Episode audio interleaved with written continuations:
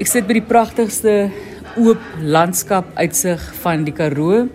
Het 'n paar hoenders wat verby hol en op die tafel is daar roosterkoek en boerewors en die pragtigste lam curry en 'n pizza met lam boop. Natuurlik want jy is mos nou in die wêreld van lam.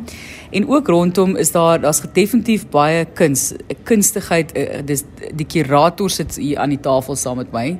En dis Nicole Grobler. Nicole jene ons het nou so baie oor te gesels maar toe jy nou die sake begin het het jy 'n visie gehad vir wat hier voor ons is? Ja dis eintlik ek en Claradine my vrou ons werk altyd saam so aan 'n ding.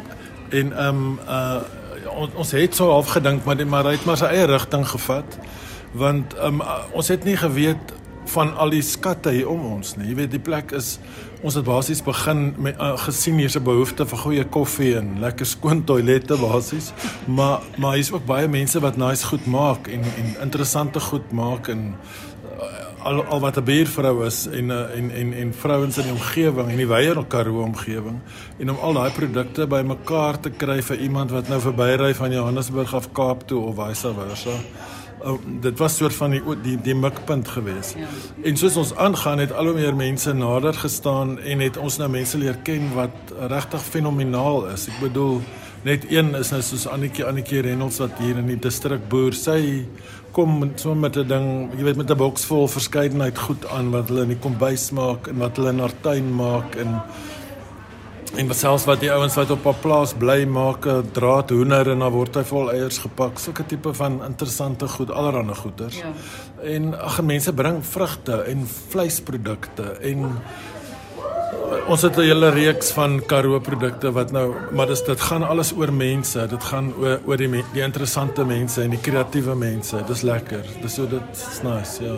Ja mense kan so ver langs die N1 sien met die trokke wat loop en ons produkte vir ons vervoer.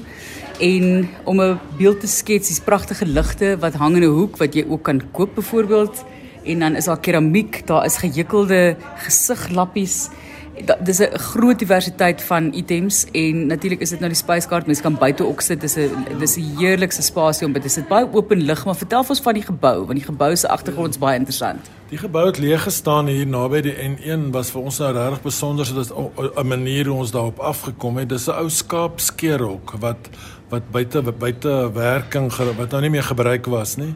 En ons het hom amper maar net so gehou. Ons het 'n bietjie verf en 'n paar rakke opgesit so die skaapskeerhol kan jy eintlik nou nog sien is hier so 'n mooi ou gebou, nie uit baie karakter en ja, dit geniet ons van die gebou.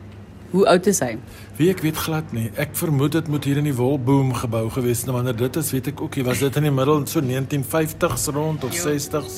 Dalk daar rond. Ja, ja. ja. Al wat ek weet is onder my is waar die bokdrolletjies of die skaapdrolletjies, jammer vir die woorde, dan nou afgeval het en julle dit so gehou, so dit is planke hout en tussen deur gapings so waar die skape dan gestaan het waar hulle wag om geskeer te word sodat die vloer nou nie vol gemors word en so nie. Ja. Maar dit is 'n lang pad wat jy ook gestap het om hier te kom. So jy's eintlik 'n argitek, was ja. vir, vir lank weg, hoërskool te Aar, ja. rigting 4 jaar was jy daar gewees. So jy jy het bietjie die glamour van die stad gaan opsoek en teruggekom. So draf ons deur is natuurlik baie lang jare wat jy nou moet deurdraf ja, in 'n ja. in een antwoord, maar net net net jou pad van die Aar ja. en weer terug hier. In kort het ek in Bloemfontein gaan swat en toe daarna in Lesotho begin werk en uh deel geword van 'n maatskappy van senior ouens wat in Australië geswat het op daai stadium want voor apartheid jare was daar nie swart argitekte in Suid-Afrika baie nie.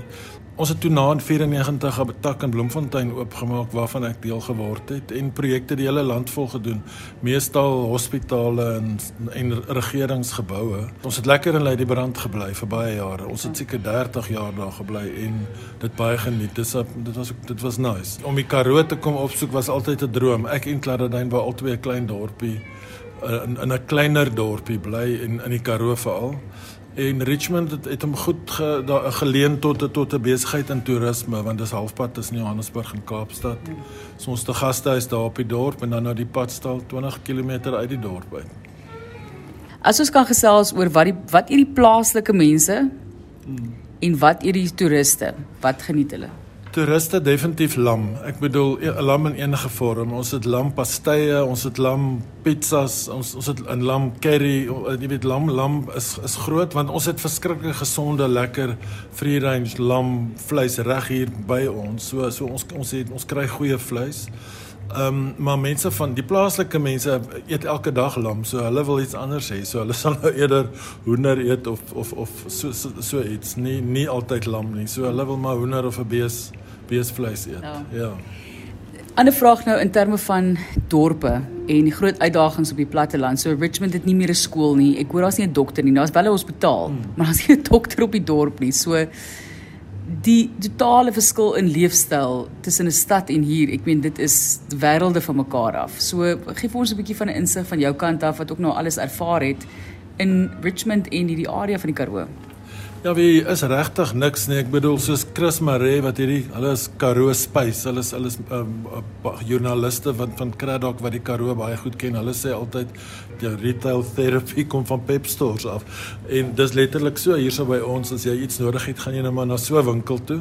Um, want hier is net niks anders nie. En dit snaaks as jy dan nou wel in 'n groot plek kom dat jy skielik niks daar wil hê nie. Jy raak gewoond daaraan om nie om nie alles by die groot kettingwinkels te wil koop nie. En as ons dan nou ergens heen wil gaan, is Graafly net nie ver nie. Dis 'n nice, dis lekker om gou-gou 'n koffie te gaan drink by 'n nice koffiewinkel of so. Die klein dorpie kan 'n mens partymal vang. Jy kry so half cabin fever. Ehm um, toe ons net hier na toe getrek het, het ons letterlik net hierdie geboue gesien en opgewonde geraak oor wat ons daarmee gaan doen maar jy het nie al die ander goed in berekening gebring nie. De, maar mens raak gewoond. Jy raak jy raak ehm um, gewoond daaraan om nie veel om jou te hê nie. Dis eintlik vir my ek ek geniet dit. Ja. Jy loop nou tans hoenders op af en 'n kat wat saam met die hoenders bly. So terloops het hy verby gehardloop met 'n muis in die mond. Dit is dis die tipe van tonele wat jy ervaar um, in hierdie pragtige pragtige deel van Suid-Afrika ook. Die Karoo is regtig en dit is so groot en divers ja. en wyd en mense moet net vir mense aanmoedig om bietjie te gaan kuier. So wat se tyd van die jaar sê jy sê want ek hou nogal van winter. Ja. Maar dit is koud, maar die somer is almal baie warm hier by julle. Of hoe? Wie ek vind die winters is vir my baie meer van 'n uitdaging as die somer. Die somer is kort en baie lekker en jy kan in 'n swembad spring of jy kan aan die aand sterre kyk. Hier in die winter sit jy vir baie maande lank in die aande net voor 'n vuur in hiberneer amper. So nee, die winter is vir my te erg okay. persoonlik. En as jy vir mense wil sê dit gaan oor die voortleef van hierdie dorpies ja, in die Karoo ja. en om daardie plaaslike gemeenskappe en besighede te ondersteun. Ja. Ja, die ekonomie hier bestaan basies uit toerisme en uit landbou uit die landbousektor. Um, hier is nie veel veel ander uh, goed wat die ekonomie kan stimuleer nie. So ons is afhanklik van hierdie lewensaard, die N1 wat hier naby ons verbyloop. En Richmond self is 'n wonderlike dorpie vir vir om oor, oor te slaap en hier's verskriklik baie om te kan sien in die klein dorpie. Dit is ek ek voel altyd die Karoo se argitektuur wat mediterreens van aard is, is hierdie klein huisies op die straat maar jy bes, jy weet nie wat agter in die in die courtyard aangaan nie. Dis 'n soort van courtyard living. Dit is vir my 'n beginsel van die Karoo wat baie um belangrik is. En dit is dieselfde met die dorp is ook amper so. Jy sien net hierdie fasade wat nie altyd baie mooi is nie en um maar as jy net afdraai en agterin gaan kyk, was baie. Ek bedoel Map Modern Art Projects is 'n galery hier op die dorp wat jou asem wegslaan. Dis die grootste versameling Suid-Afrikaanse installasiekuns onder een dak en dit is 'n fenominale plek om te sien kurator is 'n Afrikaanse Abri Fourie, 'n Afrikaanse man nie oukie nie, wat in Berlyn 'n kunstdosent is. Hy hy kom hierdie week nou weer hierheen en dan kom hulle met klomp kunstenaars van dwars oor die wêreld. So, ehm um, ek dink ja, die Karoo het sy stil afswitch tye, maar daar's ook daar gaan baie aan. Ja. Jy kan jouself maklik hier ook in 'n rat race kry as jy wil. Ons probeer om dit nie te doen nie.